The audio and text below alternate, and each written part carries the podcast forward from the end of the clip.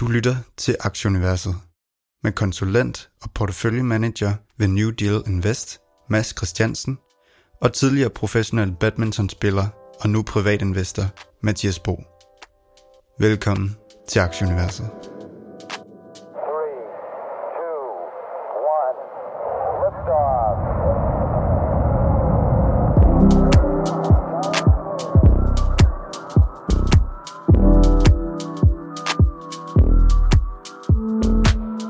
Velkommen til 76.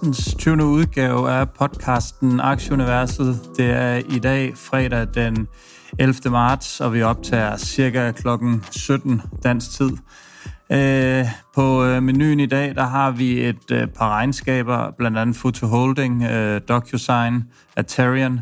Så har vi lidt update på Meta, Adian og Coinbase. Øhm, vi når også lige lidt råvarer øh, senere i, øh, i programmet. Og så har vi lavet et interview med Birgitte H. Langer, Business Development Manager hos Spor omkring brugen af blockchain i sådan, hvad kan vi kalde det, Mads? Almindelige varer er det vel. Øhm, og øh, du er selvfølgelig med mig, som altid, Mads. Hvad, øh, igen en uge med lidt, uh, lidt smæk på, flot uh, rebound i, uh, i onsdag, så uh, håber på, at vi kan slippe sådan nogenlunde helskinnet igennem uh, gennem den her uge. Hvordan, uh, hvordan er din portefølje klaret sig? Jamen, sådan lidt ligesom din, uh, poppede champagne der onsdag, og så har jeg ellers røde baller og røde kinder her uh, uh, i går, og, og, og, og så startede det også op nu her, og så hurtigt ned igen og sådan noget, og ja, ja, ja, trøst mig. Hjælp ja, mig. Ja, jeg gør, jeg, jeg vil prøve... Noget. Men noget, der har løftet min uge, og det kommer vi sådan til, lidt ind på nu her, det er, at jeg har fundet ud af, at både JP Morgan og Goldman Sachs og øh, Morgan Stanley, de har holdt sådan nogle tech-konferencer, hvor, øh, hvor man kan finde de der interviews ude hos de forskellige virksomheder, og det kan jeg bare varmt anbefale, fordi de er super gode til at stille de, sådan, de rigtige spørgsmål øh, til det der, så der er ikke alt det der, der er på earnings calls og sådan noget, men, men det er sådan lige ned i bolledejen, lige hvor det, hvor det rykker, og det, det er super spændende, og der, der har jeg en del med fra, fra øh, Meta, øh, fra det møde, øh, som vi kommer ned til ned i del 3, så masser af spændende indhold derude, masser af godt at lytte til. Og du var lige inde på det. Vi, øh, vi startede lidt øh, positive futures her, her i dag fredags. Det havde man lige siddet og lunet sig på. Jeg tror, øh, Nasdaq'en var op over, over 1% Det er den her positive retorik, der er mellem Ukraine og, og, øh, og Rusland, der giver lidt håb. Men øh, ja, det, det, skete desværre sådan, at øh, nu ligger vi i minus her, med, så vi skal, vi skal nok kæmpe os hjem. Jeg tror, der er lige omkring 0, og Nasdaq er en lille smule nede. Øhm, og det har også været kendetegnet for ugen. Øh, indtil videre så ligger S&P nede cirka 1,6, Dow er nede en lille procent, Nasdaq er nede små 2 procent. DAX'en rebounder lidt efter en rædderlig sidste uge, øh, op 4, 4 procent, og, øh, og C25 er rundt nullet. Øh, 10-årig rente i, øh, i USA, den er, den er hoppet tilbage i 2, 14 procent op for ugen, og så er, øh, så er olien i, øh, i, i 107 øh, US dollar. Øhm, Puro, vores, vores gode ven der, han, han snakker meget om øh, 40 dages glidende, nej, 40 måneders glidende gennemsnit på øh, Nasdaq'en. Og den er der altså lige... Der er lige 5, måske 10 procent dernede nu, øh, endnu. Så øhm, det, det der, han tænker, at, at det vender tidsmæssigt, er han meget til, til marts, så han, ja, han har ramt meget godt. Det er i hvert fald en holdning øh, blandt mange derude. Vores, øh, vores, tid, vores tidligere gæst, øh, Andreas Steno Larsen, han var også inde og, eller hans nyhedsbrev har han også modificeret lidt. Han regner jo med tyngdekraften i, øhm, i, øh, i forhold til inflationen og sådan nogle ting, men, men øhm, ja, altså råvarepriser og oliepriser og sådan noget, det, det, det, går, det går nordpå med det, så så øh, hans, hans seneste nyhedsbrev, det handler om det her, der hedder stagflation, altså hvor man har inflation og en, en, en økonomi, der ikke, øh, der ikke performer så godt, og det, det er ikke så sjovt. Men det er, det er jo svært at gætte på. Jeg tror bare, at vi private skal regne med, at det er priset ind, alt det vi ved, og, og derfor kan vi nok ikke outsmarte nogen derude. Mads, lad os, øh, lad os starte med at kigge lidt på, på regnskaberne. Du får lov at lægge ud med Atarian, vores gamle ven, øh, vores, øh, vores øh, hvad hedder det nu, Reddit, øh, hvad hedder det nu, øh, som, som også var, var inde under den på et tidspunkt og bounced back og, og gav, øh, gav mig et, et, et sjovt afkast, selvom der ikke rigtig sådan var så meget ind under skallen. Hvordan, øh, hvordan går det nu her? Ja, det er rigtigt. Du ramte den lige i rumpetten der med, at altså, øhm, Atarian er jo en af de her øhm, Amazon-virksomheder, øh, øh, og der investeres rigtig meget i det space i øjeblikket venture-kapitalmæssigt. Atarian er er den eneste øh, børsnoterede, som man kan investere i. Og så er der en stor kanadisk, der hedder Thrasio, som er den største. Men i bund og grund, så handler det om, at hvis man er sælger på Amazon, så er det faktisk rigtig, rigtig svært at gøre.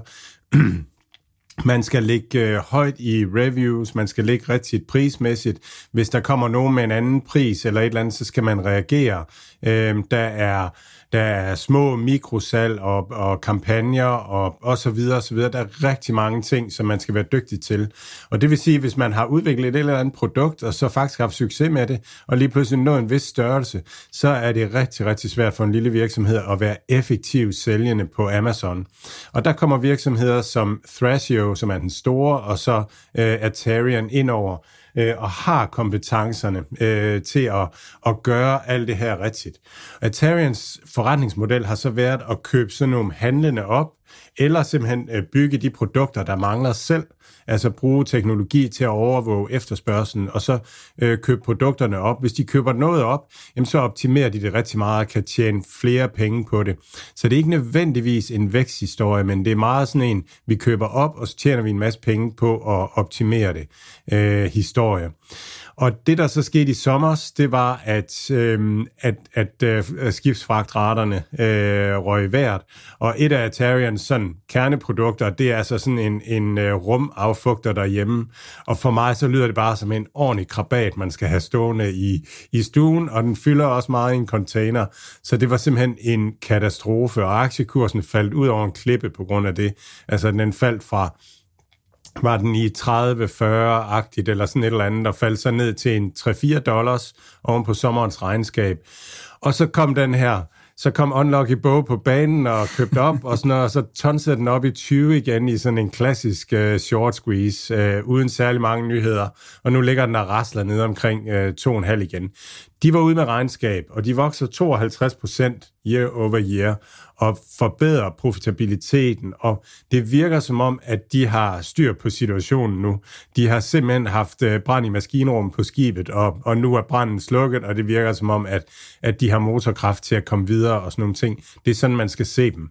Deres kernekompetence, det er at drive de der ekstra øh, procenter ud af produkter øh, marginmæssigt, ved at kende efterspørgselen og ved at kunne styre logistikken og alt sådan noget. Og det er bare ikke et særligt fedt miljø at sådan gå efter at være en procent bedre end nogle andre, når det er sådan, at fragtretterne, de bare, de bare tonser op og ned, og, øhm, og udgifterne til råvarer og så videre. Så deres forretningsmodel er egentlig ikke rigtig sådan, giver ikke nogen konkurrencemæssige fordele lige nu. Og det taler de noget om, at, at de kan ikke rigtig gøre noget lige nu, de kan ikke købe nye virksomheder op og sådan noget. De er sådan lidt i venteposition.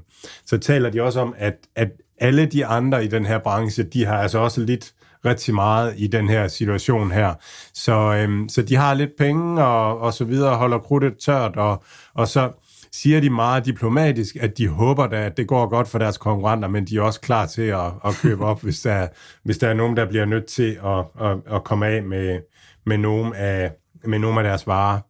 Og så sådan hele viben fra det der, det, det var virkelig, at, at det var, jamen det, ja, og nu, det, nu, begynd, nu er jeg lige ved at sige et forkert ord, og det er bare så forfærdeligt at snakke om krig lige nu, øh, på grund af, af det, det, det forfærdelige, der sker i, ja, her i Europa.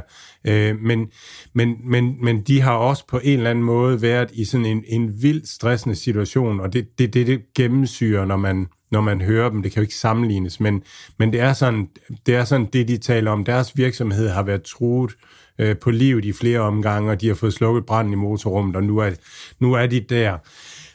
De, de guider for faldende vækst i Q1, øh, altså faldende omsætning, og det, eller i forhold til Q1 sidste år, det er fordi Q1 sidste år var meget, meget stærkt, og så håber de på, at tingene forbedres hen over sommeren. Så jeg tror på lang sigt, øh, tror jeg, de kommer styrket ud af det her relativt til de andre, men, men lige nu tror jeg, at at lige nu er jeg ikke sikker på, at, at det kommer til at gå så godt nødvendigvis på kort sigt i virksomheden, men, men bare det, at, hvad skal man sige, at det går mindre dårligt, vil måske også kunne gøre, at aktiekursen godt kan flytte sig meget herfra. Det er sådan, jeg tror, det er et, et interessant spekulativt køb her på 2,5 øh, US dollars, hvor den ligger nu.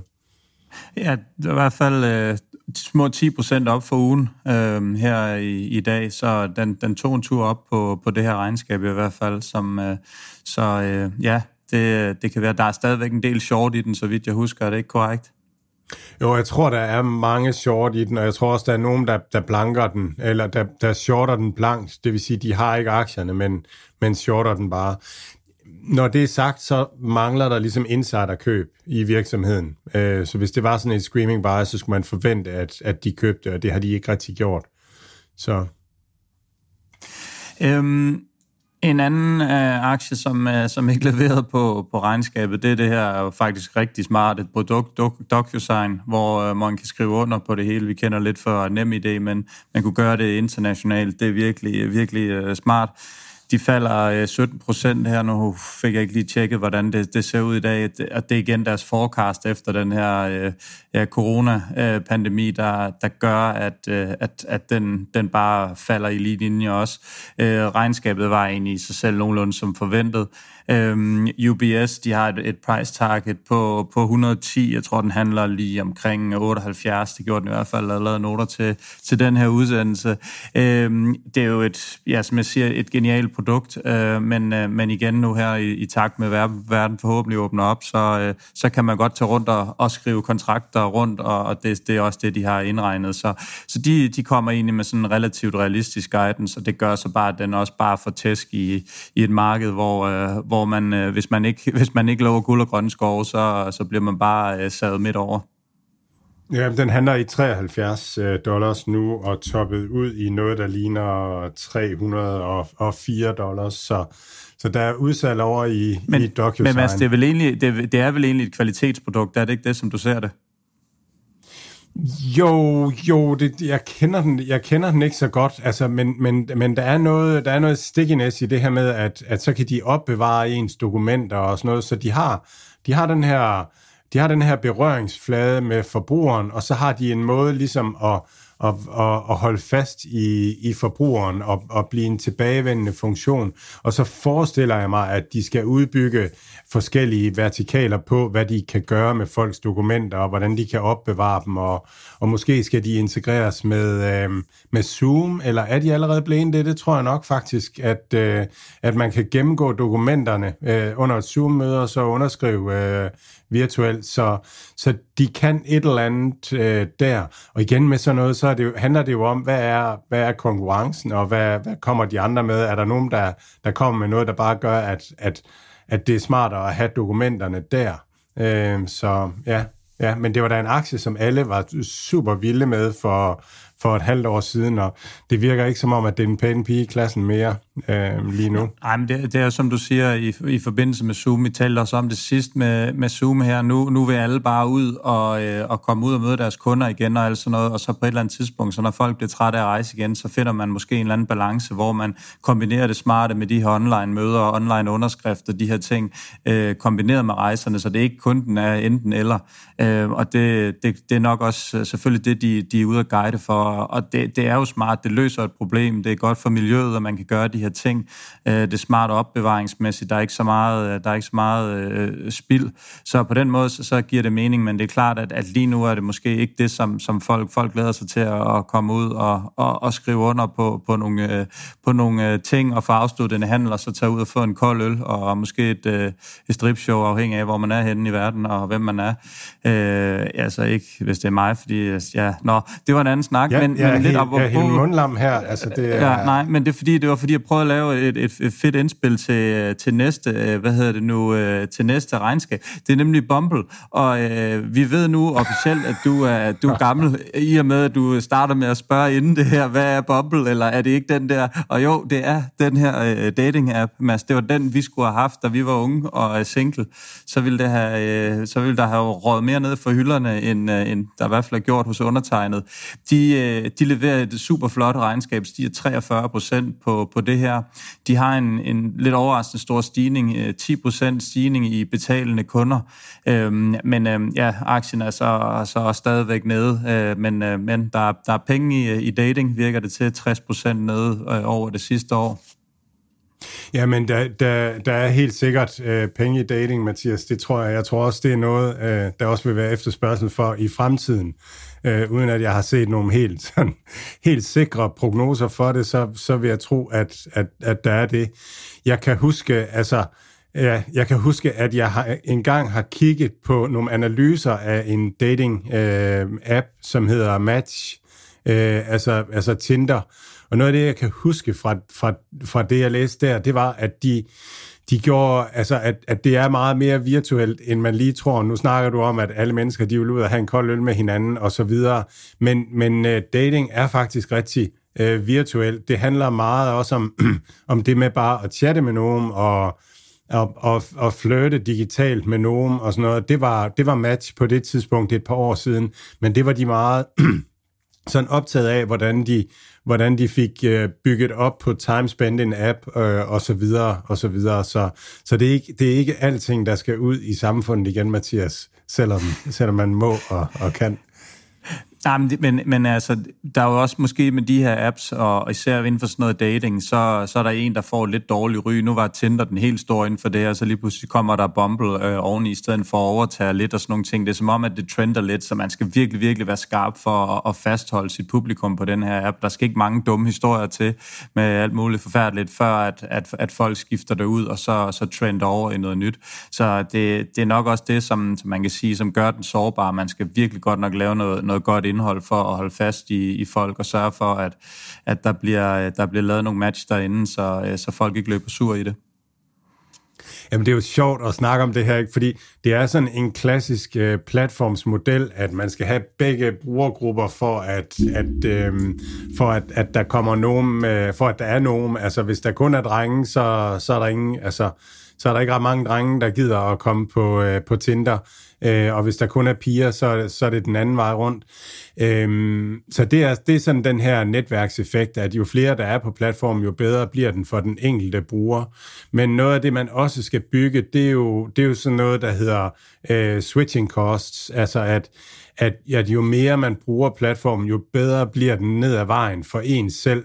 Øhm, og det er ligesom, det, det, for mig forekommer det bare sådan intuitivt sværere på en uh, datingplatform, at, at uh, for eksempel når man har været på Facebook i, i, i øhm, hvad har du været på Facebook nu, Mathias, i 50 år, eller sådan et eller andet, altså, så er der jo, øhm, altså, så, så, så, så skifter du jo ikke, fordi at du har lagt det hele op, og du har nogle ting, den husker fødselsdagene på dine venner, og, og sådan nogle ting, så der skifter du ikke, men det er ikke helt det samme på en dating-app, altså, der, der er det lidt mere flygtigt og sådan noget. Det handler lidt mere om et nu og her marked og sådan noget, som jeg lige forstår det marked. Øhm, ja, så Nå, var det nok om, om dating-apps? Det var nok om dating, men vi kan sagtens fortsætte noget, jeg ikke forstår noget som helst der overhovedet, fordi min uh, kinesiske Nordnet-pangdang uh, Futu Holding var ude med regnskab i dag, og nu skal du altså bare høre med her, Mads. Omstigningen, den stiger 114 procent year over year. Uh, globale brugere stiger 45,8 procent year over year. Betalende kunder steg 140 procent year over year. De tilføjede 728.000 kunder, primært i Hongkong, USA og Singapore.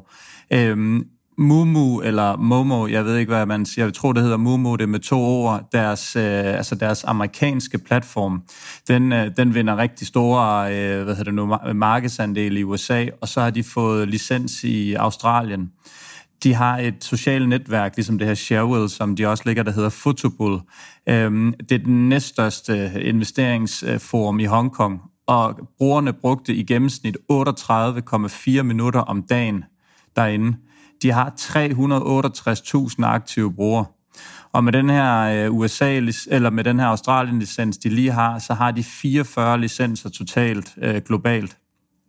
Deres wealth management, altså de ultra-rige kunder, de steg 83% year over year, og så de her private investeringsmidler, øh, som bliver kastet ind, det steg 621% year over year, og 120% quarter over quarter. Aktien var op 10% præg, og det synes jeg faktisk egentlig var for lidt, så jeg af, at den faldt 15% i går og kunne hjælpe mig, om den så ikke er tanket og ligger i underdrejet med, med minus 11 procent i dag, nede i 25, øh, 25 øh, amerikanske dollars. Øh, jeg er med på, at, at der er den her historie ud om øh, SCE tror nogle af de her kinesiske virksomheder til at, at leve op til retningslinjerne. Der er så også en artikel ud i dag fra, fra Kina om, at øh, de samarbejder, det kinesiske øh, S, det hedder så CSEC, de, øh, de hvad hedder det nu, er, er ude at sige i dag, at de er ret sikre på, at de nok skal, skal finde en aftale med SCE om det. Øhm, og det, det, det er noget, der egentlig ikke sådan... Altså, det, det hjælper egentlig ikke ret meget, at de er ude at sige det, her. det, det plejer at reagere, at markedet jo reagerer på de her positive nyheder. Så øh, Hans Seng Tech-indekset var, var nede og 7% i morges, og selvfølgelig trukket af, af JD.com, Alibaba, Tencent og nogle af de her. Øh, jeg ved simpelthen ikke, hvad jeg skal sige efter sådan en regnskab, øh, eftersom at den også faldt 15 procent i, i torsdags på, på, på netop den her øh, SC-nyhed, og så, øh, så med det her regnskab er den 11 procent nede. Så jeg, jeg, jeg, jeg, er lidt, jeg er lidt målløs over det. Der, jeg, jeg ved ikke, jeg prøvede at undersøge på Twitter, om der er et eller andet, jeg har overset eller hvad, men altså, det var nærmest sådan, at når man gik ind og læste artiklen, så var det nærmest som om, det regnede ud med guldmønter fra, fra den. Så jeg, øh, jeg er meget, meget overrasket over øh, med, med, de, med de tal, øh, som de fremlægger, hvordan fanden det kan, det kan gå, som det gør. Men øh, markedet har altid ret. Så, øh, Tjente de penge? Havde de overskud? Ja, de har overskud, ja. De har overskud, ja. ja. Okay. Altså for ellers så, altså alt hvad der ikke tjener penge lige nu, det skal jo, det skal jo bare ned. Øh, men, men ellers så, altså, ellers så, så øh, altså den, den jeg tror altid, den amerikanske øh, del af forretningen for en kinesisk virksomhed, vil jeg aldrig nogensinde turde betale fuld værdi for. Altså, det skulle altid være discounted på en eller anden måde, fordi at, at det, det må man næsten forvente, at det, at, at, det, at det på en eller anden måde lige pludselig kan, kan, kan få trukket tæppet væk under sig. Faktisk ligesom jeg har med udenlandske virksomheder, der er i Indien, eller Sea Limited, som er i Indien, at, at, at så længe at, at, at det er der, så er det fint, men, men, men øh, jeg vil ikke betale noget for fremtidig indtjening og sådan noget. Og, og det kunne godt være, at, at det bliver sådan en, en case også. Altså, og så er der samtidig lidt det her med kinesiske, om, om tallene er rigtige om, om de er helt rigtige, der har de også sådan lidt en anden... Lidt, ja, altså nu det her, det er, jo, det er jo, det er jo Hongkong-baseret. De plejer meget godt styr på det i Hongkong, øh, sådan umiddelbart. Men øh, ja, øh, nu, jeg skal selvfølgelig ikke kunne sige det, men øh, ja, der er måske et eller andet... Øh, jeg ikke rigtig kan forstå, som, øh, som i hvert fald markedet er ude og, ude og, ude og dømme den her til, øh, til Jørgens Bark. Men der er der øhm, godt nok udsalg i Future Holdings. Altså, den er jo nede med... Den er, hvad, hvad, 25 dollars står den i nu, og den har ja, toppet i omkring 180 i, eller sådan noget. Ja, jeg kan sgu ikke huske, hvad den er. Jo, 100, ja, omkring 180 og den, øh, har den været i. Så øh, ja, det er voldsomt. Nå, øh, Mads, lidt øh, Coinbase-nyt. Ja, øh, ja det, var, det var en af de her, øh, en af de her øh, webcasts fra, øh, fra et af de her, øh, en af de her store banker, og det var, det var bare interessant at høre dem, dem tale om, om deres forretning, og, og hvad det er, de gerne vil bygge, og de vil ikke gerne bygge en bank, og de vil ikke, øh, det de egentlig gerne vil bygge, det er sådan en, en eksponering imod kryptospacet generelt. Men det gør de meget ud af, at, at øh, den forretning, de har nu, den skaber cashflow og, og skaber kendskab og, og så videre, men ellers så, så laver de en, en portefølje. Så man kan godt se Coinbase som sådan en, øh, en eksponering imod øh, krypto-spacet øh, generelt. De er jo en af de tidlige investorer i den her øh, OpenSea øh, store NFT-platform, øh, så den har de en god chunk i, og de arbejder med at få, få NFT'er øh, på. Og så, så synes jeg, så, så var der sådan en lille sjov anekdote, at, at ham, ham fra, fra banken, han havde fundet øh, investorbrevet frem fra 2013 øh, på et eller andet tidspunkt, og, og der talte man om, om en ugenlig vækst på 5%. Øhm, så så det, det gik sådan rimelig hurtigt nordpå, og det var meget sødt, og, og det, ja, tallene er blevet lidt større og så videre, men øh, de vokser stadigvæk øh, rimelig solidt. Øhm, Amazon, de var ude med et, øh, en nyhed om et, et aktiesplit, øh, 20 til 20 til 1, øh, og de har lavet et, et 10 billion US dollar aktie tilbagekøb, det gjorde også, at aktien steg en 5-6 procent, og, og har haft en, en god uge oven på, øh, på det. Ja, jeg fik simpelthen lyst til at lave en, en lille bitte quiz øh, for jer lyttere. Og til næste gang, nu får I først svaret næste gang, men øh, jeg tænker på en aktie, og den skal I bare gætte. Øh, den aktie, den har en, den har en PE på 12, øh, når man ser på sidste år. Og så tænker folk, at, at det er en value og sådan noget, og det er det også, men den vokser også en lille smule, fordi den femdoblede sin omsætning øh, sidste år. Øh, ja, så, øh, så det, er, det er ugens øh, quiz, at man skal gætte den aktie. Og så er der jo det her tal, der hedder PEG-ratio, som er Price Earnings Growth, sådan at hvis man vil prøve at kvantificere, hvor meget altså forholdet imellem de her to tal er, så kan man sige øh, PE, og så, og så dividere det med væksten.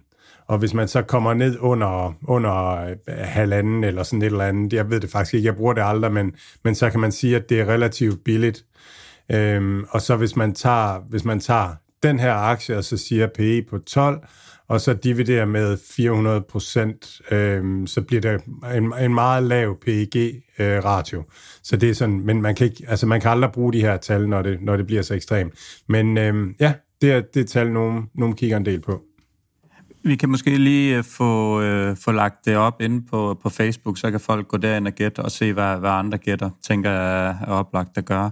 Og så kunne det være sjovt, hvis der er nogen, der kan finde en aktie, der har en højere PEG-ratio end den her. Godt. Lad os få øh, Birgitte Langer på til en, øh, en snak omkring øh, blockchain.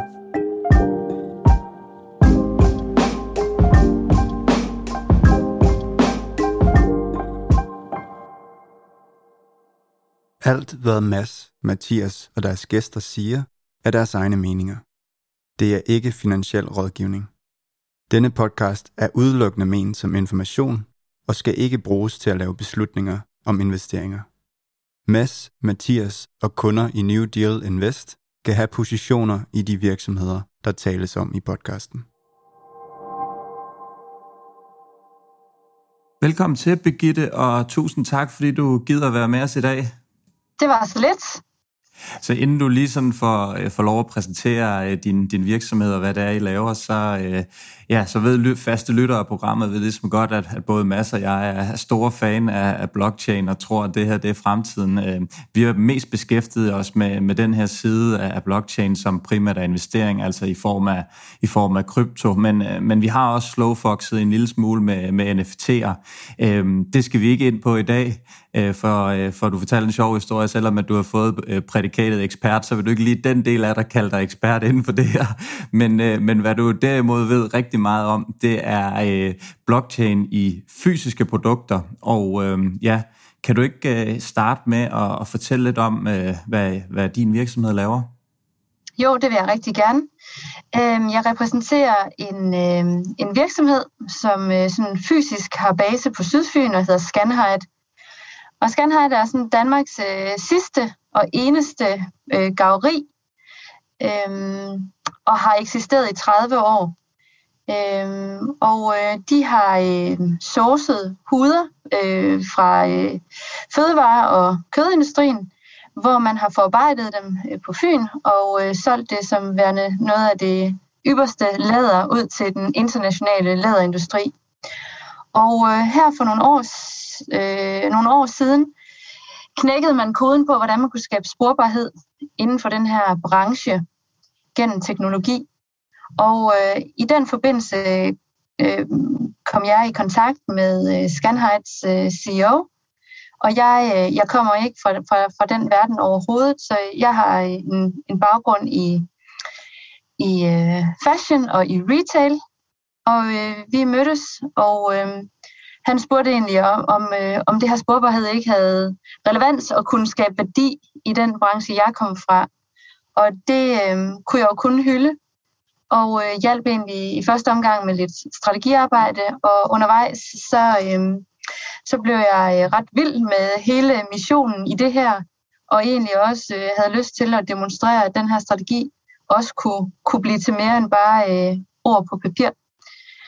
Så øh, vi oprettede en selvstændig forretningsdivision, som hedder Spor. Spor handler om at levere sporbarhedsdata egentlig på de huder og det læder, som øh, brandsene arbejder med øh, til tasker, til sko, til møbler, til bilindustrien.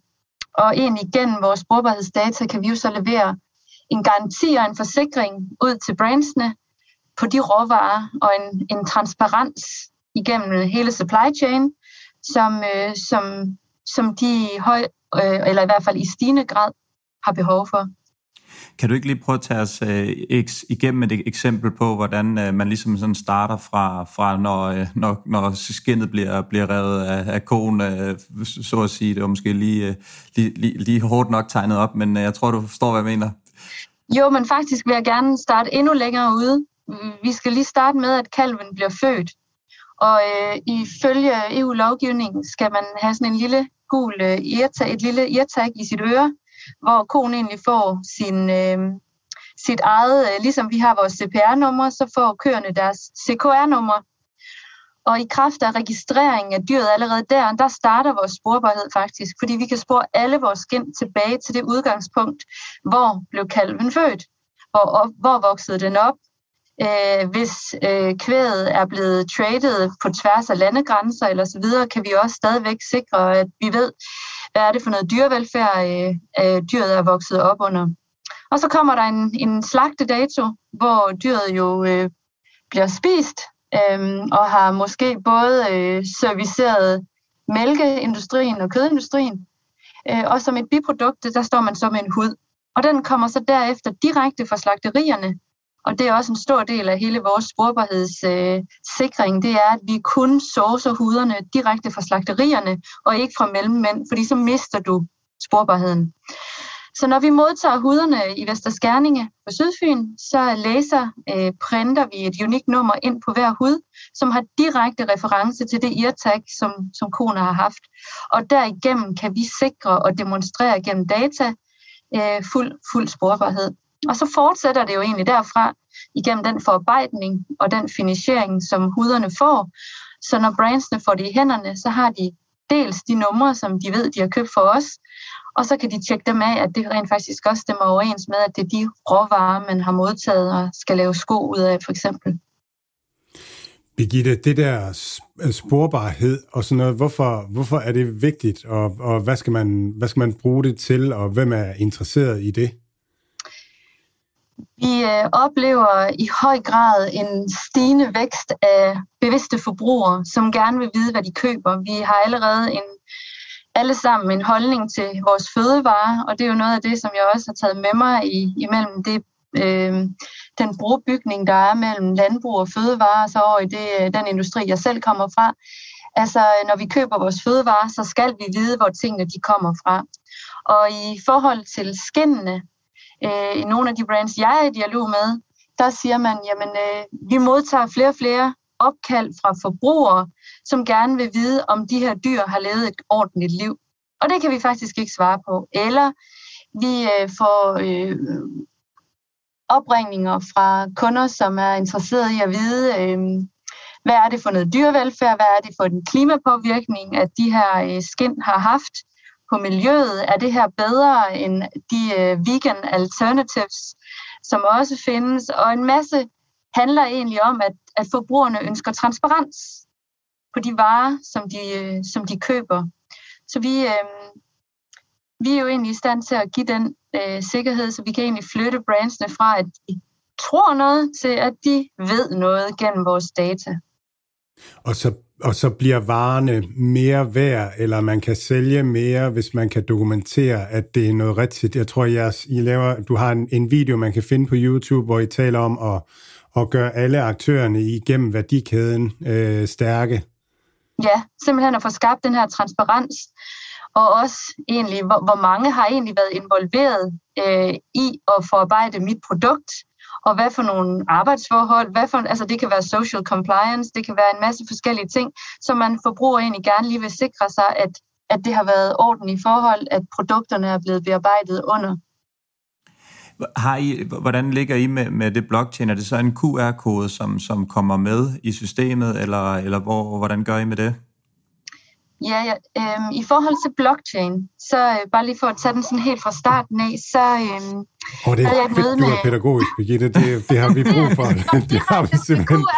Det, vi det er nyt, og det er svært at forstå, og sådan noget. Ja, så jamen, det, det går Mads, Mads, han plejer aldrig at turde sige noget til mig, så det er godt, vi har dig med til lige sådan at bede mig om at starte fra start.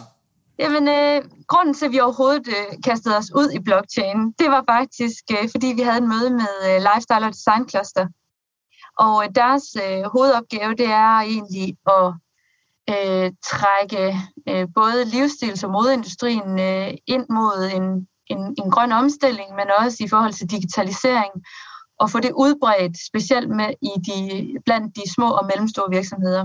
Og de kørte et projekt omkring brugen af blockchain øh, sammen med CBS. Så jeg vil sige, øh, det var ikke sådan, at da vi startede Spor, så var blockchain en del af sådan hele strategien. Det var det ikke.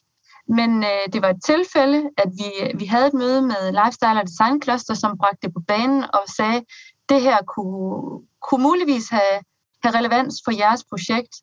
Og så kastede vi os egentlig ud i det, og det må man, det må man sige, at sporbarhed og transparens og blockchain passer faktisk super, super fint sammen.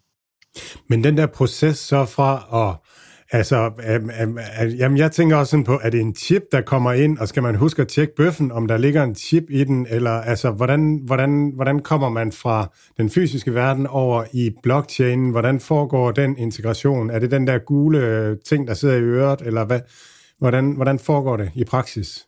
Selve integrationen var en QR-kode, så øh, når man købte, nu var det Rockamore, vi lavede det sammen med, Øh, så når man købte øh, Frederikkes øh, støvler, så sad der en øh, QR-kode inde i støvlen, som du så kunne scanne, og via øh, den entry kunne du egentlig tilgå det data, som var øh, provided ind i blockchainen af de forskellige leverandører og underleverandører. Nu, nu taler du her om, at, øh, at det var sådan lidt ved tilfælde, at, at det var egentlig ikke meningen, at de ville starte med at gøre det her på en blockchain og lægge den her, det her spor, øh, sporingsarbejde på blockchain. Hvad, hvad var alternativet, eller hvad, hvad tænkte de dengang, og er der andre alternativer til at, til at gøre det øh, på blockchain? Vi har, øh, nu er Rockamore en case, øh, hvor vi jo har arbejdet med det i det her, jeg kalder det sådan en lille sandkasse, mellem Rockamore, CBS, øh, Lifestyle Design Cluster og os. Men vi har jo også andre brands, som også arbejder med vores sporbarhedsdata. Og der er det jo øh, alle mulige forskellige måder, at vi kan provide det ud i deres kanaler. Øh, og det er den eneste case, vi har arbejdet med blockchain på indtil videre. Men vi kan også godt se, at kvæg hele den her kampagne og det her øh, line-up, vi fik lavet, der øh, har vi også modtaget henvendelser, som simpelthen går på, at, at man gerne vil i gang med at bruge blockchain-teknologi, og derfor sikrer vi også, at vores data er givet til, at vi kan provide det ind i kommende blockchain-samarbejder. Når I sådan gik i gang med det her arbejde, som du, som du, som du taler en lille smule om, hvad, hvordan var læringsprocessen? Hvad, hvad, hvad fandt I sådan ud af undervejs omkring den her teknologi, eller måske mere, hvad, hvad fandt du ud af sådan personligt? Øh, fordi øh, nu ligner vi nogen, der er nogenlunde jævnaldrende, så det kan også nogle gange være, være lidt tak. svært for, øh, for, for, i hvert fald, for i hvert fald for masser af jeg, så siger jeg ikke for meget, til stadigvæk at for, forstå det helt 100%, hvad det helt præcis er, selvom at, at vi nu har nørdet rundt i det i mange år. Havde du det også sådan lidt, eller hvordan er det?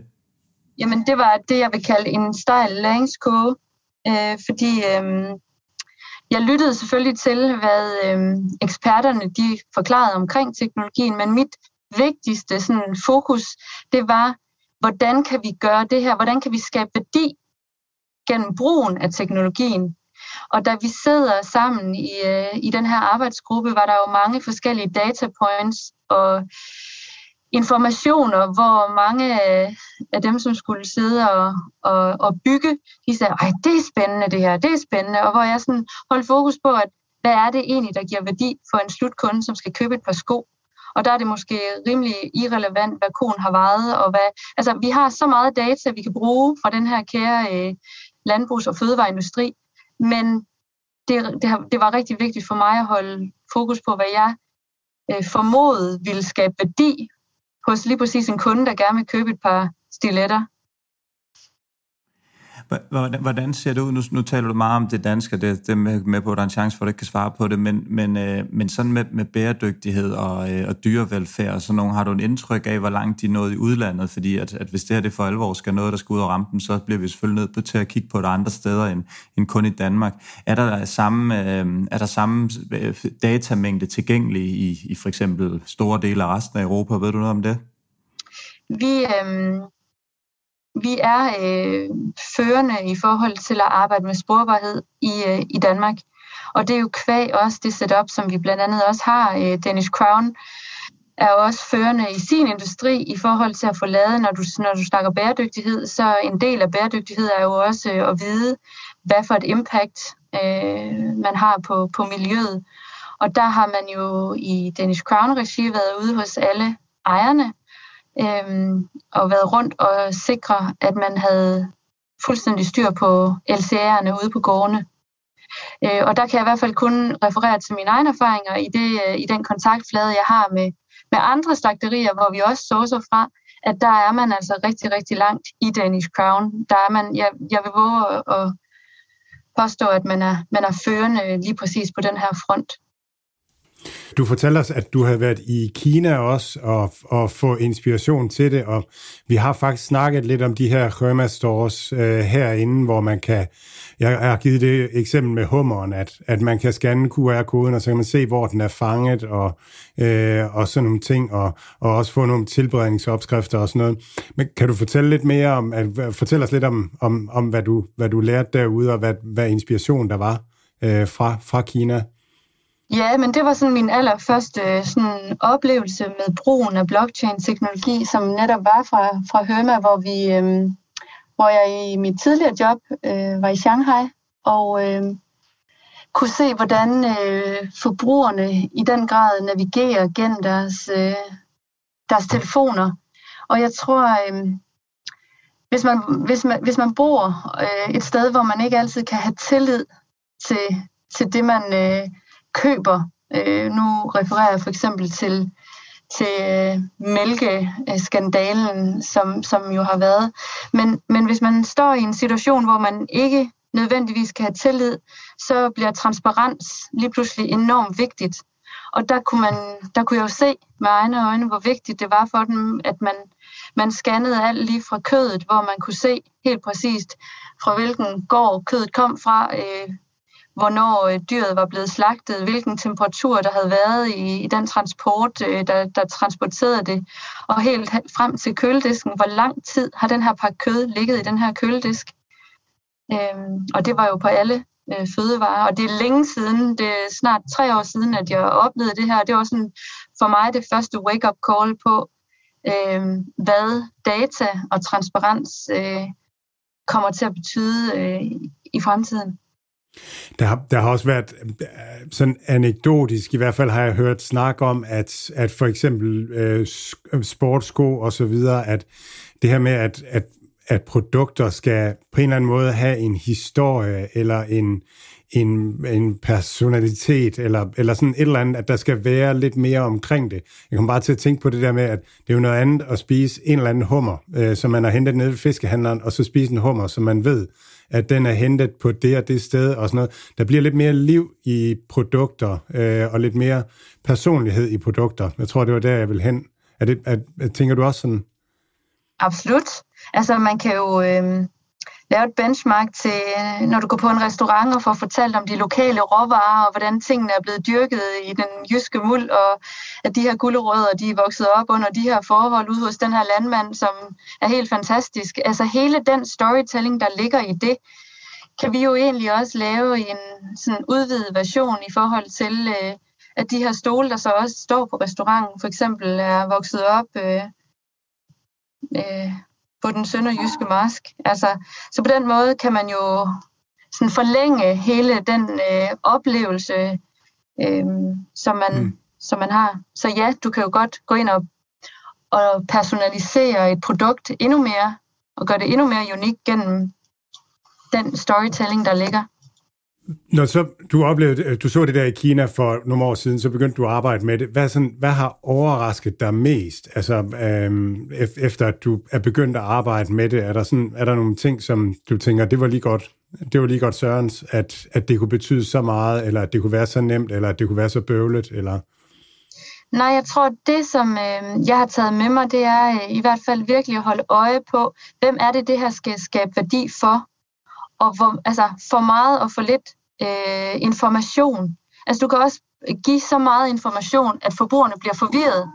Øh, tast noget som, mm, hvor, hvor, hvor, hvor koldt har der været i den der transport, hvis jeg står som forbruger og skal købe et eller andet, øh, lad os sige noget kylling, øh, og så skal jeg måske begynde at tage stilling til, åh, oh, den her, den, der var der så så mange grader, men den der pakke, den, den er blevet den er blevet transporteret under de her forhold. Hvad er så egentlig bedst? Altså, man kan også overinformere kunderne med som et kæmpe overload af information, hvor de faktisk bliver mere forvirrede, end de egentlig finder tryghed.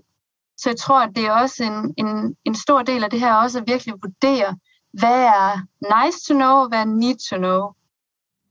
Ja, jeg kan godt være, det er bare mig, men nogle gange, når jeg er nede og handler i gang med at forvilder mig ned i et supermarked, og så skal købe æg, så kan jeg for eksempel aldrig se på det der æg, om det er produktionsdatoen eller udløbsdatoen eller andet. Der tænker jeg også, for sådan en uh, gammel mand med semikros der som mig, så tænker jeg også, at det havde været skidesmart, hvis der lige var en QR-kode, man kunne scanne, scanne, så man kunne se, hvornår de var lavet, og hvornår sidste holdbarhedsdato var sådan de der simple, uh, de der nice to know, fordi jeg synes godt nok, de, de roder tit rundt med at, at få skrevet det med, med virkelig småt et eller andet sted på, på pakkerne. Så det vil, øh, det vil da også være altså, altså, stor, stor gavn for mig i hvert fald, når jeg, øh, når jeg er en gang mellem med Netto.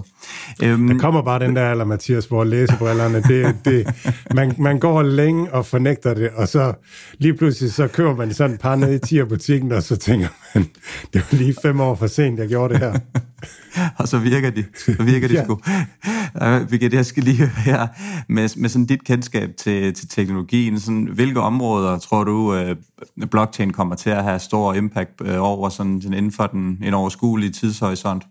Altså, når jeg øh, lytter mig frem øh, blandt dem, som jeg vil kalde eksperter, hvilket jeg ikke er en, der er blandt øh, den, øh, den kategori, men når jeg lytter til dem, som virkelig arbejder øh, seriøst øh, og i dybden med blockchain-teknologi, så kommer det her jo til at eksplodere. Øhm, og, og når du står i nogle konkrete tilfælde, hvor du har nogle processer eller nogle, øhm, nogle samarbejder, som du gerne vil skabe transparens omkring, øh, eller noget data, som du skal kunne se øh, fra start til slut, hvordan tingene ligesom connecter, så er teknologien helt oplagt. Hvordan sådan med fremadrettet, øh, ja, og andre brancher, andre, er der hvad er sådan det, det vildeste gæt, eller sådan noget, det vildeste, du tænker, at hvor kan vi blive overrasket henne med, med brugen af blockchain? Hvad er det, vi ikke lige ser, som du måske øh, kunne forestille dig øh, kommer til at ske? Hvor bliver det taget i brug? Jamen, jeg tror, øh, altså udbredelsen, øh, det er bare et spørgsmål om tid. Og øh, i forbindelse med det her lille sandkasseprojekt, som vi har været en del af, der øh, har jeg også fået flere henvendelser fra forskellige brancher, hvor øh, altså, sporbarhed er jo noget, som er vigtigt for mange forskellige industrier, uanset om du laver små øh, rør til medicinalindustrien, var der for eksempel en, som, som, som ringede, øh, eller om det er til fødevareindustrien, eller om det er til LCA-kalkulationer på, på udledning. Altså, øh, jeg tror, man kommer til at se teknologien blive anvendt i alle mulige regi. Jeg, øh, jeg sidder med et, et NFT-projekt, jeg har startet nu her, og det er jo simpelthen så meget i den, i den spæde, øh, spæde start, spæde begyndelse. Og og man sådan sidder og kigger rundt på verdensplan, hvem har lavet det, det største projekt er, er nok det her øh, Board Ape Yacht Club, eller i hvert fald en af dem, som er. Og så sidder man så tænker sådan, når man er det så dem, der har mest de kendskab til det, eller er det ren held, at det lige lykkes med noget af det. Og jeg, jeg tror egentlig sådan, umiddelbart hvad jeg har, har læst mig til, så er der ikke rigtig nogen øh, quarterback inden for det her nu. Det har været sådan lidt, så, så vi er jo også så meget i begyndelsen, at, at det her, det er jo kun lige version 1,00000, og derfor så er det svært, altså fordi mulighederne netop med blockchain-teknologi, som vi også har talt om så mange gange, de er uendelige. Så det, det, det, det slår næsten knuder i hjernen, når man, når man sidder og kan forestille sig, hvor det er hen. Og jeg tror slet ikke, at vi, vi overhovedet tænker de tanker, hvor, øh, som, som faktisk kommer til at folde sig ud om, om måske en, en 5-10 år omkring det her. Så, så jeg synes, det, det, det, det er svært at navigere i det her, selvom at, at øh, I selvfølgelig helt oplagt har fat i noget, og, og det giver super god mening, det du siger omkring det her. Så tror jeg bare, at, øh, ja, at, at vi er så meget i begyndelsen, at øh, vi, vi, vi slet ikke forestiller os, hvad det er, der kommer til at være i fremtiden, udover at jeg er helt enig med dig, at det her det kommer jo til at være på alle produkter om fem år. Det kommer jo ikke til at være et, et, et produkt, hvor du ikke kan spore det tilbage til, hvor øh, nærmest hver eneste lille genstand, selv i en bil, er, er kommet fra, hvornår det er lavet, og hvad det er lavet af, og så videre. Nej, og det der er spændende også, Mathias, det er jo, at, at NF, altså blockchain, det, det som Birgitte taler om her, med, det er jo sporbarhed, og, og sådan, altså det er registrering af fortiden, så har vi artificial intelligence, som kan, kan forudsige fremtiden, og så har vi NFT-spacet, som jo sådan kan, kan programmeres til en, en masse ting, og der bliver det også spændende, hvad, hvad retail kommer til at give af tøj, af, af, af personligheder og, øh, og så videre øh, og, og andre funktionaliteter. Jeg ved ikke, Birgitte, er der et eller andet, som vi, øh, som vi mangler at, at komme omkring, eller hvordan? Ja, i hvert fald i forhold til sådan, øh, modindustrien. Noget andet, som, man, som jeg også synes er interessant, det er det der med, når man så netop går sammen med sine data. Lad os nu bare antage, at vi, vi tog udgangspunkt i den her blockchain, vi lavede i forhold til, til Rockamore. Øh, så er der jo også hele reselling-delen, som man jo kan koble ja. på. Altså, så man kan se, okay, så blev den solgt videre til den her kunde, som købte den brugt af den her kunde. Og så øh, kan man sige, hvad, hvad er der så interessant? Jo, men det er jo interessant, øh, når du engang kommer til sådan sidste step på vejen, øh, når det er, nu, nu kan de her støvler ikke bruges længere. Hvad var det egentlig, at den var lavet af? Så har du lige pludselig transparensen. Nå, men det var komposterbart læder, så, så det forgår. Øh, altså så har man jo sådan virkelig, hvis man skal tænke den sådan helt cirkulært, så har du den sådan helt fra cradle to cradle. Ja, fedt. Super spændende. Birgitte, det har været fantastisk spændende at, at have dig med. Og en ting, vi slet ikke har fået nævnt, det er jo, at, at, øhm, at du faktisk er med i... Øhm, du er med i bogen om blockchain, som, som vi har udløjet her med... Øhm, med Jan, Jan Damsgaard. Ja, med, med Jan Damsgaard øh, som har skrevet bogen, øh, som vi også har haft derinde. Men det har været fantastisk at, at have dig med, og spændende, og det er altid spændende at høre folk, der rent faktisk bruger den teknologi, som, som vi taler om. Så tusind tak, fordi at, at du vil være med. Og når vi engang får lavet et aktieunivers, et krus, så, så, øh, så sender jeg et til dig, det er helt sikkert. Det bliver stort. Det vil jeg glæde mig til. Super spændende at høre det her øh, blockchain på en lidt anden måde, end, end sådan som vi har kigget på det før, hvis man kan sige det sådan. Hvad, hvad, hvad, hvad tænker du om det, som, øh, som Birgitte siger her? Jamen, først og fremmest så tænker jeg, at kineserne, de er altså bare fem år foran, ikke? Altså, den der Herma, øh, Herma-historie, som hun fortalte, og det her med hummeren, hvor man scanner QR-koden og sådan noget, det har bare været derude i lang tid, og, og, og, og nu, nu begynder vi så herhjemme at tænke, at det kan da godt være, at vi skal vide, hvor skoene kommer fra. Øhm, så så det, er, det synes jeg er lidt sjovt. Bare kig til Kina, hvis vi skal vide, hvor, hvor verden skal hen af. Og så, øhm, jamen, så synes jeg, det er sjovt det her med, med blockchain og, og den fysiske verden, hvordan man kobler det sammen. Og det er jo også der, at Internet of Things virkelig øhm, kommer, altså kommer til at, at skabe noget data, som skal snowflakes eller opbevares et eller andet sted derude i, i verden på, på, øh, på de her øh, cloud services. Øh, og så, og så synes jeg meget, at den her tanke omkring, at blockchainen, det er en sikker, øh, en sikker øh, opbevaring af historikken, mens art, øh, artificial intelligence og machine learning, det er en, en forudsigelse af, af fremtiden, at vi har de her forskellige teknologier, som kommer til at spille sammen i, i hele den, det her teknologiske øh, skift, som, som vi er i gang med. Jeg synes bare, det er mega spændende.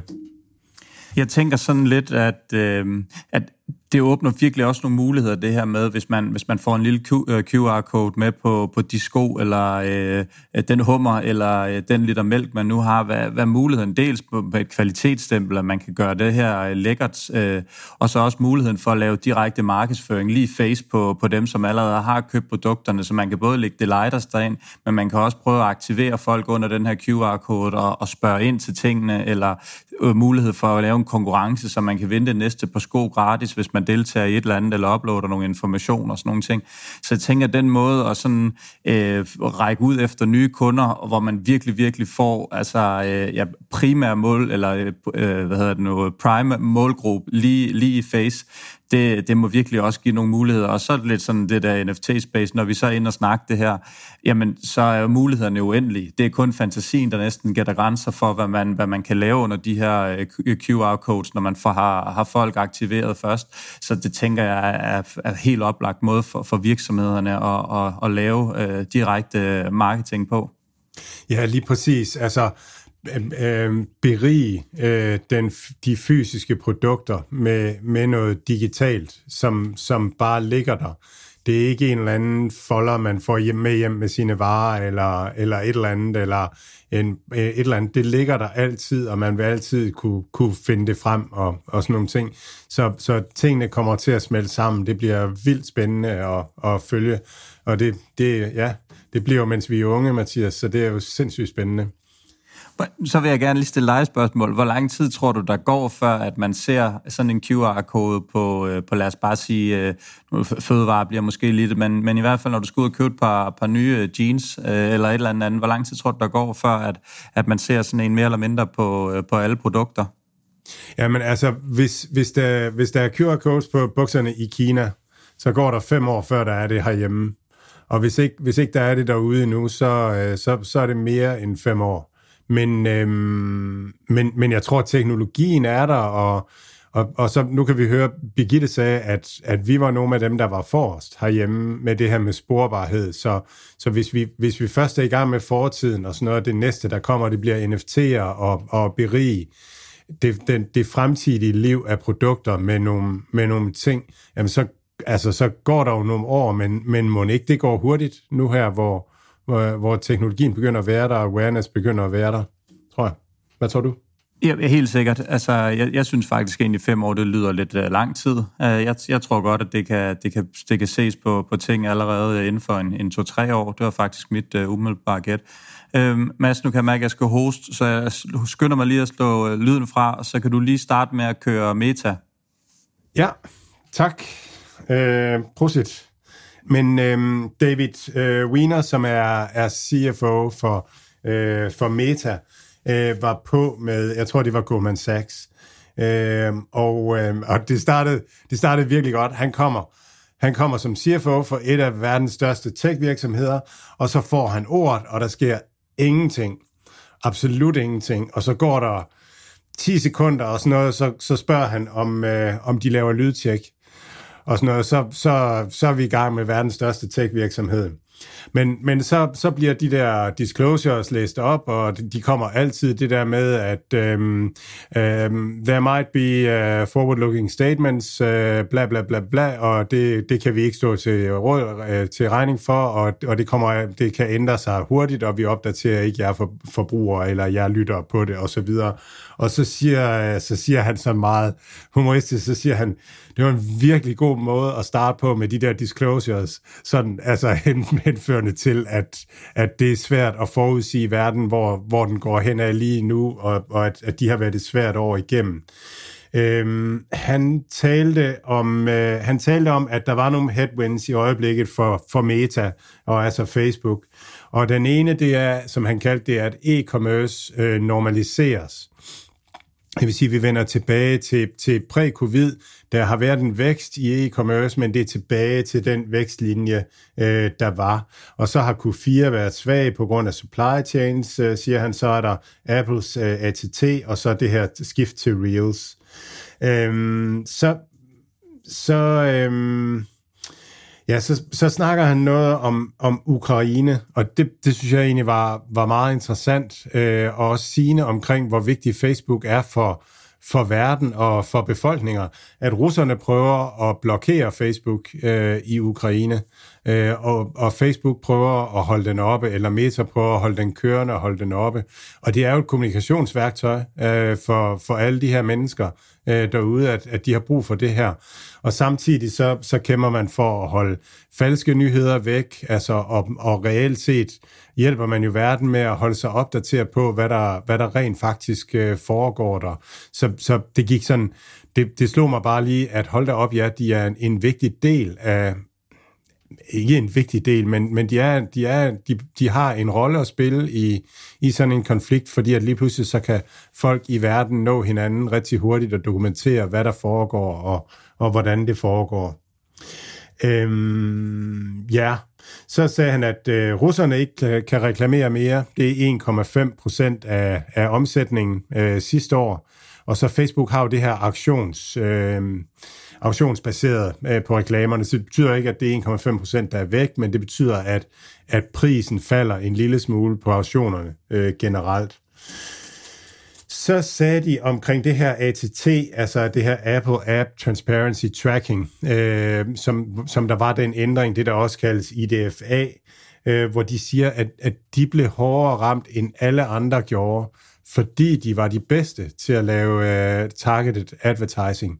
Og det gav bare så meget mening, at, at når man er den aller, aller bedste til det, jamen, så får man den aller, aller højeste pris på reklamerne.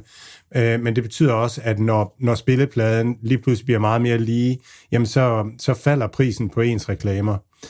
Uh, og det skal man være opmærksom på, at det fortsætter i Q1 og Q2, og så vil man, så vil man sammenligne sig med tidligere, øh, eller med, med Q3, hvor, hvor den her øh, app transparency var trådt i kraft. Så det vil sige, der vil væksten nok alt andet lige begynde at, at, at komme en lille smule øh, igen. Og så er der den anden headwind, som de har, som, som jeg også har talt noget om, og det er, at, øh, det er, at, at deres kerneprodukt, det er feedet og så stories. Og verden begynder at skifte mod kort video. Og der har de deres produkt, der hedder Reels, og sådan som, som tallene kommer frem, så lyder det egentlig som om, at de har rigtig god traction, men de kommer stadigvæk fra en position som nummer to i forhold til TikTok. Det svære ved, ved kort video, det er, at det giver altså færre reklamer. Man kan, man kan placere, hvis man tager forbrugeren og så siger, hvis forbrugeren er et minut på Facebook, jamen så kan man nå at præsentere flere reklamer for forbrugeren, hvis han er i feedet, eller hvis han er i stories, end hvis han er i øh, kort video. Og det går ud over antallet af det, man kalder impressioner øh, for Facebook, altså antallet af reklamer, øh, de kan få lavet. Så kortfilm går lidt ud over, hvad skal man sige, værdien af den tid, vi bruger øh, digitalt øh, for de her øh, virksomheder. Så øhm, ja, så, så der var bare sådan lidt, øhm, der var lidt, der var lidt kolder på det. Og så snakkede, så blev han spurgt til, hvordan det går med selve Facebook, øh, den store blå øh, app, som man kalder den. Øhm, og der svarer han så, at engagementet svarer til præ-covid nu. Og det lyder lidt som en øh, nedgang, øh, umiddelbart. Det lyder ikke særlig, øh, særlig bullish. Øh, og de har et 6% fald i antal af, af impressioner, altså af viste reklamer øh, i Q4 i forhold til, til tidligere.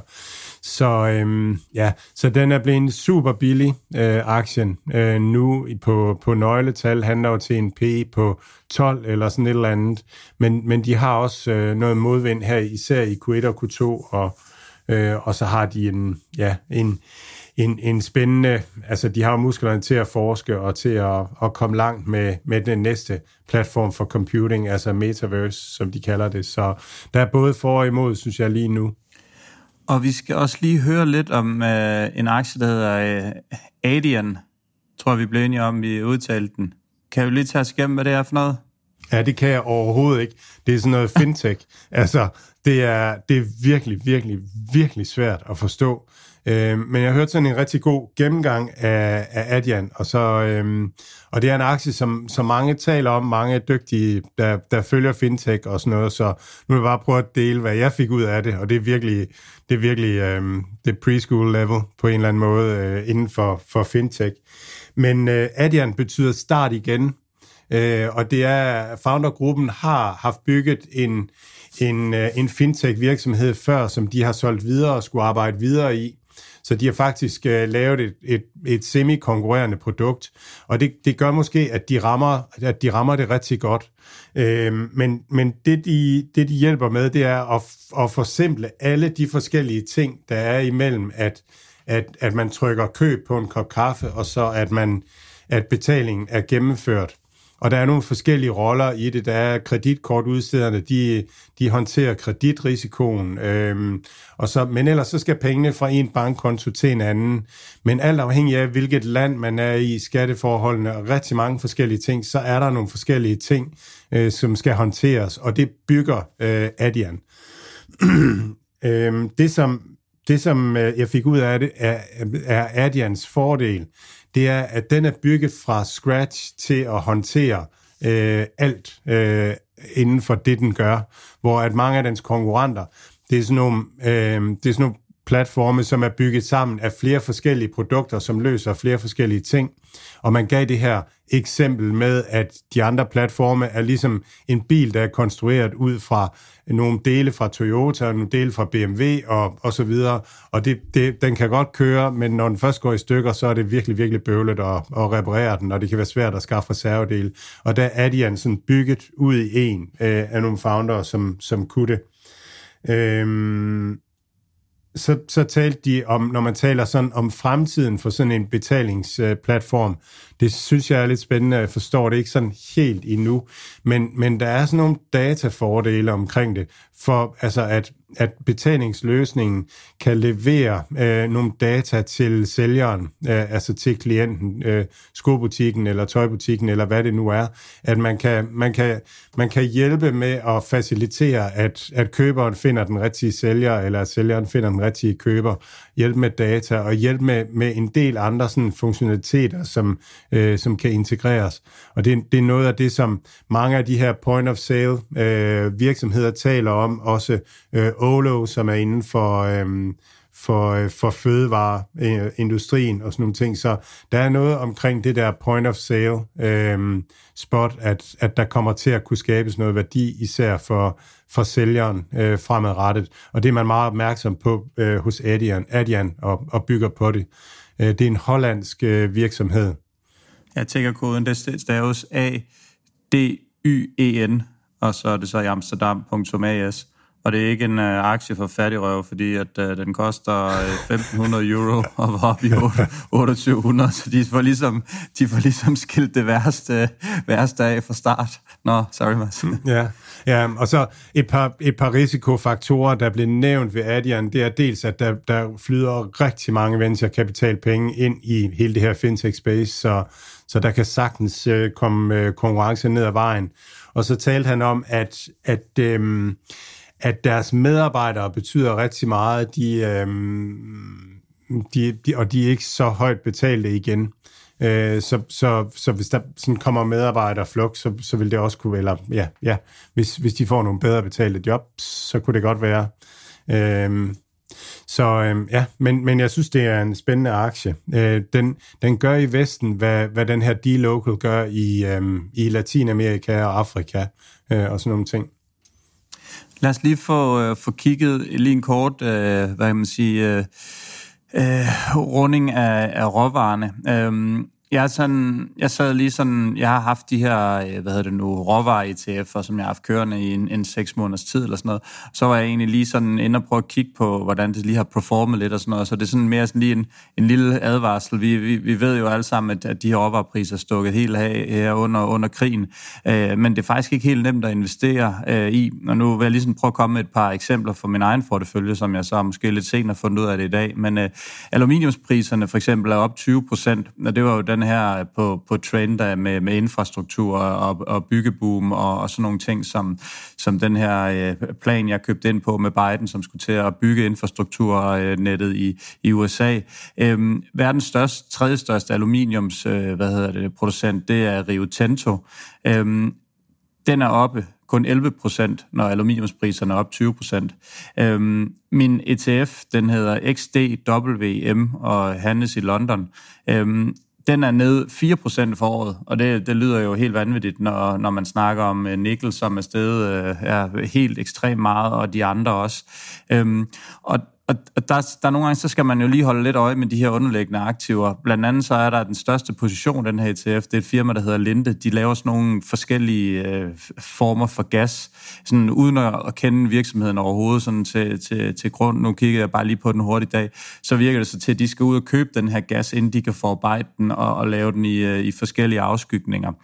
Øhm, og, og tænker man så på som sådan en almindelig investor som os, jamen man kan da gå ud og købe det rent. Så de her spotpriser, både på olie og andre råvarer, de er vanvittigt komplekse at investere i, fordi du handler det typisk i de her futures-kontrakter, og de her kontrakter, de koster altså penge, fordi de skal fornyes hele tiden. Øhm, og det gør, at, at det er dyrt at ligge med øh, i, i længere perioder, så betaler man et, et fee for det. Så man kan godt se en oliepris, som stiger øh, ja, 100% men, øh, men ligger man i en future, jamen så betaler du for at forny de her kontrakter, og så kan det godt være, af din portefølje kun er op måske 15 eller 20 procent.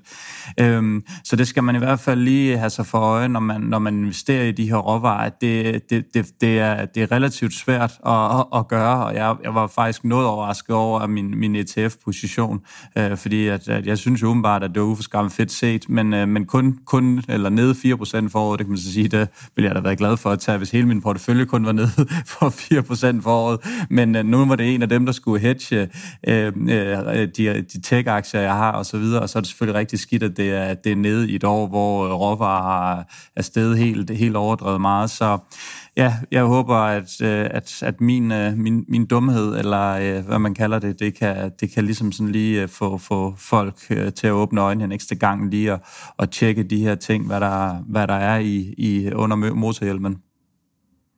Ja, Puro Saxena havde et tweet her, øh, hvor han skriver, at, at man skal altså også lige holde tungen lige i munden med nogle af de her øh, cykliske ting her, at, øh, fordi det kan, det kan godt være, det kan godt være, at man virkelig bliver langsigtet investor, øh, hvis det er sådan, man kommer ind på de forkerte tidspunkter. Man skal typisk købe, hvis man køber virksomhederne, som arbejder i de her områder, jamen så skal man jo købe dem, når P er, er ultra høj, fordi det går af pommeren til, og det er ved at gå op undus det hele, og så skal man sælge, når P er lav når det er, er heydays, fordi det er jo ikke sådan noget, der bliver, hvor efterspørgselen og, og forbrug bliver ved med at vokse ind i himlen. Det er jo, det er jo cyklisk. Det, det, det hedder cyklisk, fordi det kører op og ned. Så øhm, ja, så, så det er i hvert fald øh, en ting, man skal passe på.